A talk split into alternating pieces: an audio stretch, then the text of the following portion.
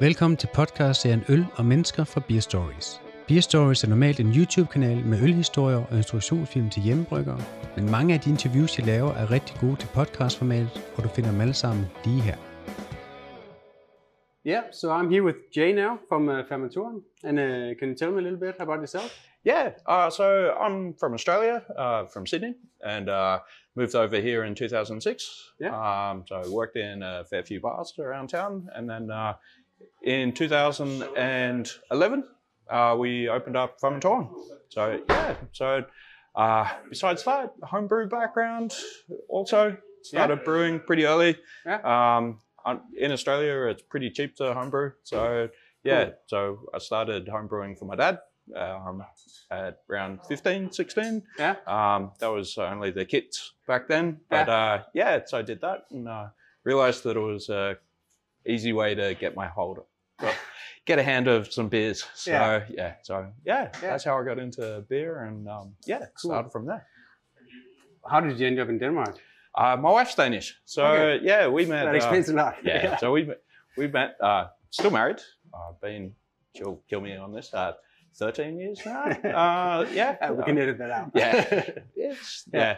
And then, um, yeah, uh, so we met, uh, she was backpacking around Australia and, uh, I just, uh, finished school and, uh, yeah, so we met in Sydney and ended up backpacking around to Australia with her. So, Yeah. and after that, uh, yeah, we bought a combi, traveled around for six months in that. And then, uh, after that, um, she had to come back for school and, uh, yeah, I came over with her and, uh, Yeah. been here ever since. Yeah. So, yeah.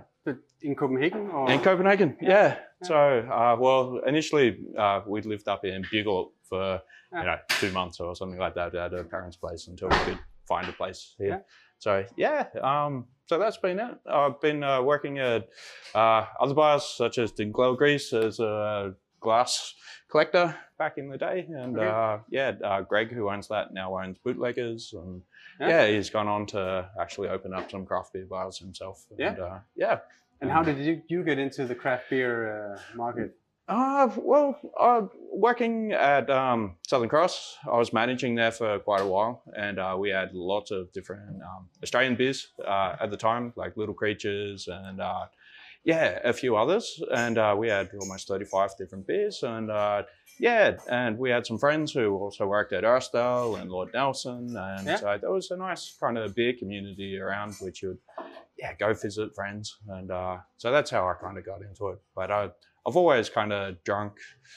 Well, actually, I drank stouts before I drank pilsners or anything like that. So Okay. I was always looking for dark beer, and Yeah. uh, yeah, Denmark was also yeah had some really nice dark beers at the time. Yeah. Um, Yeah. I think around 2006 and stuff when I first came over here, there was uh, I went to the beer festival pretty like almost the week after I arrived. Okay. Um, and uh, there was uh, Mikkeller just released his Beer Geek Breakfast, and uh, then uh, uh, had Ølfabrikken Porter, and there was Yeti, and there was uh, yeah, there was just amazing beers uh, Yeah. at the time. I hadn't tried anything like it before. So, Yeah.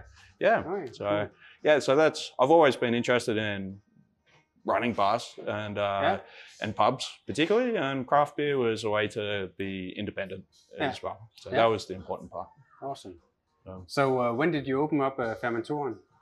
Uh, 2011. So Yeah. yeah. 10 years. We're coming up at the end of uh, September Yeah. 26th. So yeah, so it's been getting better and better each year, Yeah. despite COVID But stuff. you didn't start off with uh, with your own beer, like from Dry and Bitter, did you? No, no. Uh, we had uh, some beers from Crooked Moon, uh, from the other partner here, Yeah. Søren, uh, in there. He um, was brewing that when he was out at Nørrebro Bryghus as well. Okay. Uh, we had a lot of beers from Beer Here, and uh, yeah, the um, dry and bitter beers came in maybe five, six Yeah. years ago, So small So- breweries, uh, Yep, craft yep, beer. Yeah. definitely. And we've always had a really good range of uh, Belgian beers as well. So that, that's been the important thing, getting a, a good range, uh, not just uh, you know 20 IPAs or anything Yeah. like that. But, Okay. um, So yeah, one beer for everyone. yeah, that you could you could have a session and go around the board, and uh, you can try a different different saisons, different. If you like sour beers, there's not just you know all lambics, but there's also Berliner Weisses, or if you like Berliner Weisses, there's also like sour saisons, and you know, so you can have a yeah, bit of interest, I suppose, in uh, different styles. Yeah. So Cool. So what sets uh, Fermentoren uh, apart from other pubs? Um, when we first started out, uh, we kind of thought the important part was accessibility. Uh, we've always tried to keep our prices quite reasonable. Um, we, when we first started, all of our prices were 50 kroner for no matter what you bought. Um, so, and we try and keep that to some extent now. Uh, we, you know, our prices have gone up a little since then, um, but also range, as I was saying. Um, so you can always come down here. There's always several stouts, several IPAs, several Yeah. sours. Uh, there will always be Pilsner and wheat beer, obviously, but Yeah. um, yeah. So there's good selection. Um, also, our How many beers is in your selection right now? uh, we got 24 on. 24. So yeah, Yeah. So yeah. Uh, besides that, beer garden always helps. Um, Yeah. yeah. So being able to have a place open um, over summer, which you want to go to, Yeah. and um, I suppose consistency. That's what we've really been going for. Like we never closed.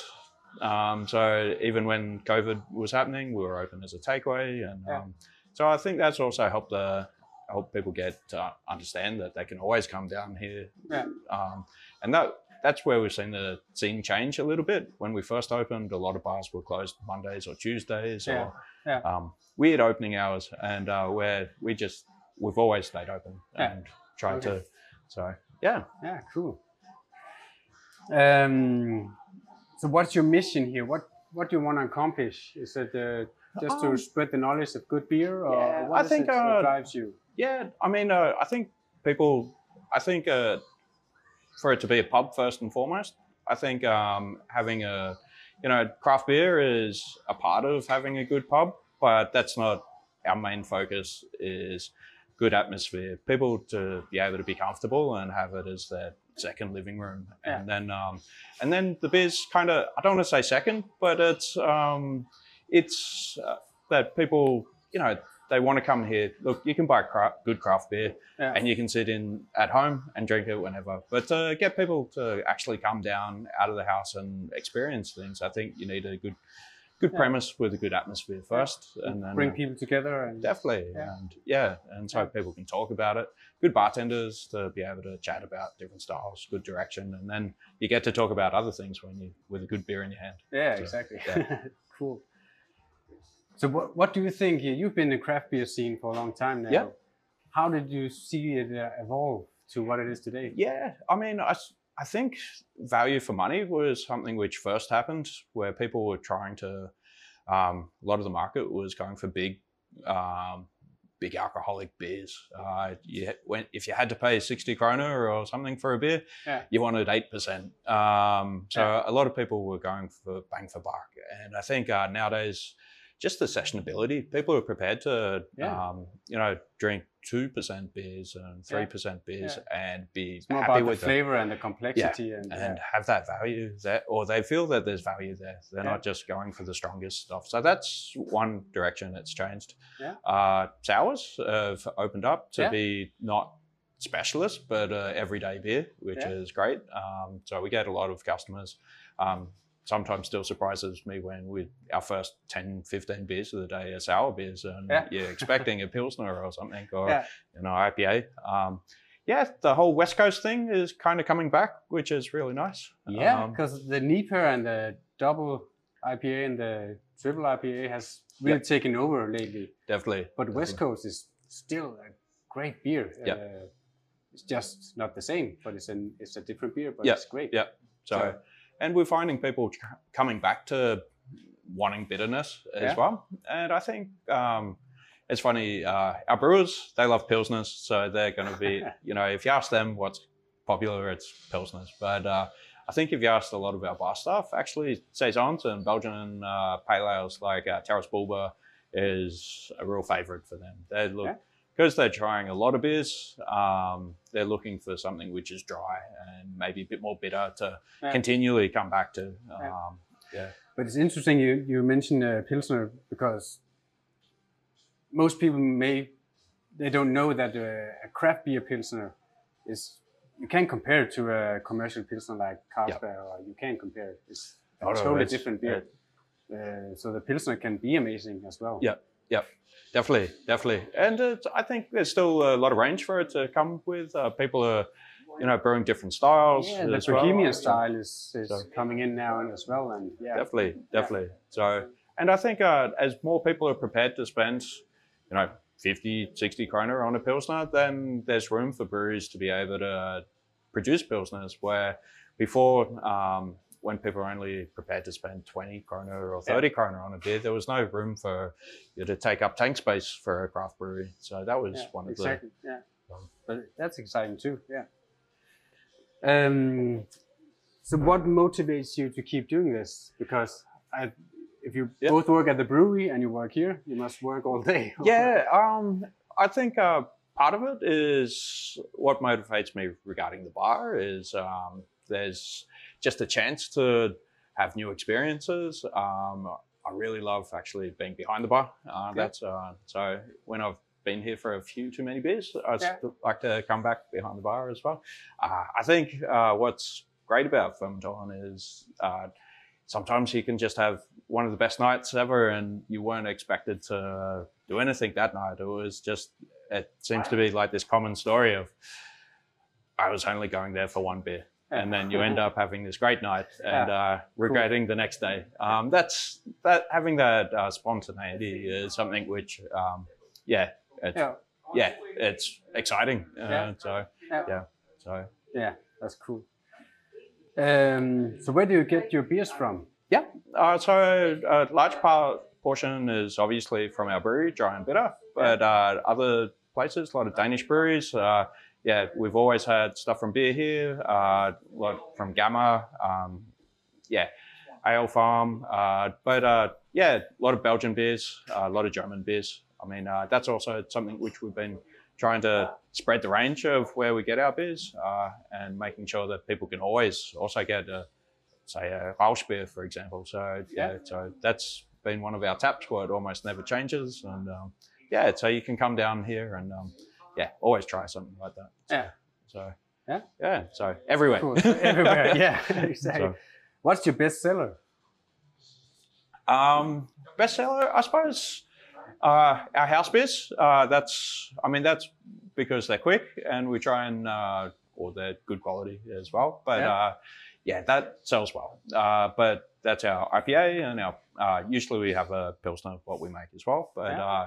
Yeah, I mean, different styles. Session beers, uh, probably our biggest seller. If our depends on who the bartender is. What Uh, we- yeah, I mean, you ask a lot of people ask what their favorite beers are, Yeah. and uh, they'll push their customer towards that style, obviously. And uh, we encourage everyone to try all the beers so they can actually have a informed in- opinion on what they like, and yeah, uh, yeah to be able to yeah what they like and pass Yeah, it off on the customer. on- yeah, yeah, yeah. definitely, definitely. so the staff knows most of the beer. Yeah, definitely. Well, uh, yeah, we change our beers quite regularly, though. Uh, so it sometimes takes a day or so to like really catch up and go through it. But uh, we encourage like everyone to, you know, try all the IPAs, and uh, it's more, um, yeah, more more knowing maybe the difference in between the IPAs than, uh, yeah, specifically like where they're from. So if someone's saying like this one's too sweet, where do I go from there? Or I'm looking for Yeah. something more grassy than more fruity because I mean there's only so many combinations of Simcoe and Pilsner Yeah. and stuff what people uh, like and uh, Citra what people use but you know if people are looking for something grassy well then you want to go towards you know something with Chinook and stuff like that but Yeah. so yeah I think as long as the quality is good um, it's more hitting that flavor profile people are looking for than Yeah. actually the brand or anything like that Exactly. so What do you think the new black is right now? You mentioned sours. Is that the? uh, and, and what's the next thing you think? to be honest, alcohol-free beer is probably going to be the, yeah, the big too, thing. actually. Yeah. Uh, that's the biggest grower. Yeah. Uh, we went from selling maybe, you know, a case every two weeks, three weeks, to now going through two, three cases a week of alcohol-free beer. Yeah. Um, different t- people are drinking alcohol-free beer as well. It's not just people who are pregnant, but also um, people in between having a beer, or they're waiting for someone, Yeah. or it's yeah, or they've had five beers and they just want to still stay out and Yeah. have a beer. So that's I think that's improved uh, a huge amount. Yeah, Um, and especially that low ABV beers, uh, just at one percent or something. Uh, Yeah. I actually have a, a recipe at home. I, I'm going to brew next. Yeah. Uh, inspired by David Heath, if Yeah. you know him. Sure. Um, there's a, I think there's a market there, and um, definitely. yeah. I mean, Abletop's doing some great stuff as well. We sell a lot of Abletop as Yeah. well, but uh, they're yeah, they've got two or three like low ABV beers, which uh, yeah, that would be fantastic to drink at home as Yeah. well. And um, it's really hard to do well. Yep. Yeah. But uh, when when they do well, it's it's still a great beer. definitely, So, definitely. yeah. So yeah, uh, besides that, um, yeah, I'd love to see. I mean, uh, some sour saisons are starting to come uh, a little bit more popular, like that kind of table beer, which is a little bit more, um, little sour, a bit complex. Like I think uh, Burning Sky does some fantastic stuff, and uh, we when that's on the board, we sell a ton of that as well. Um, Yeah. yeah. I mean, New England's are just a great accessibility or Yeah. accessible beer for people as well. Yeah. Like uh, who mightn't be used to all those flavors and all that hops, but suddenly it's like, okay, well that's fruity and Yeah. you know, so they get into it. So Yeah. that's yeah, alcohol free beer and then some others. Yeah. So, yeah. Okay, cool. Um, if you you can mention your own as well, but uh, what's Yeah. your favorite beer amongst all these? Ooh, at the moment, I'm drinking Burning Sky, the um, Saison d'Erte. Um, besides that, I really like the Oud Beersel 3 Lambic. Uh, it's just a nice, super well Lambic, balanced yeah, okay. Lambic. Yeah. Uh, the guys from Slowburn are doing fantastic stuff as well. Uh, yeah, they're just a small brewery, but they're doing amazing stuff. Uh, Yeah. Always super fresh. Uh, Christian Bale Ale is something I can always go to. Um, that's that's just a yeah. It's our probably best selling beer, a dry and bitter, but it's just consistently really good and um, yeah, low percentage as well. Yeah, that's a session IPA, right? Yep. Yeah. Yep. Yeah, cool. Yeah, Yeah. Um, yeah. So uh, the last question: Why should people visit uh, Fermentoren, and, and what uh, what experience do they get when they leave here? Yeah, um, I think uh, how would you say? We try and be a bit of a egalitarian pub, so everyone's pretty equal when they come here. It's like, uh, hopefully, getting everyone gets great service. They're getting welcome. Uh, that they feel the prices uh, something you can consistently come here. You're not just here for one beer type Yeah. thing. Um, yeah, independent music, great atmosphere, hopefully, and Yeah. uh, yeah, and uh, yeah, something for everyone. I think uh, there's outside, there's inside. Uh, we've got a really nice beer garden out there. And, Yeah. Um, yeah. So there's something for any time, Yeah. anyway. So yeah, Cool. and hopefully it's been a great thing with COVID not over, but the restrictions finishing. That Yeah. now we can get people back at the bar as well. So it's have that atmosphere of like being able to talk to someone for rather than just being transactional. Yeah. That's um, yeah. Yeah. So Yeah. yeah. Cool. So, Great. Well, uh, Fantastic. thank you for the interview. And uh, Thank you. Uh, good to meet you. yeah, cheers. Tak for, at du lytter med på podcastserien Øl og Mennesker fra Beer Stories. Hop gerne ind på YouTube-kanalen Beer Stories for at se flere interviews eller instruktionsfilm om ølbrygning og tips omkring øl generelt. Følg også bloggen Beer Stories på Facebook og Instagram.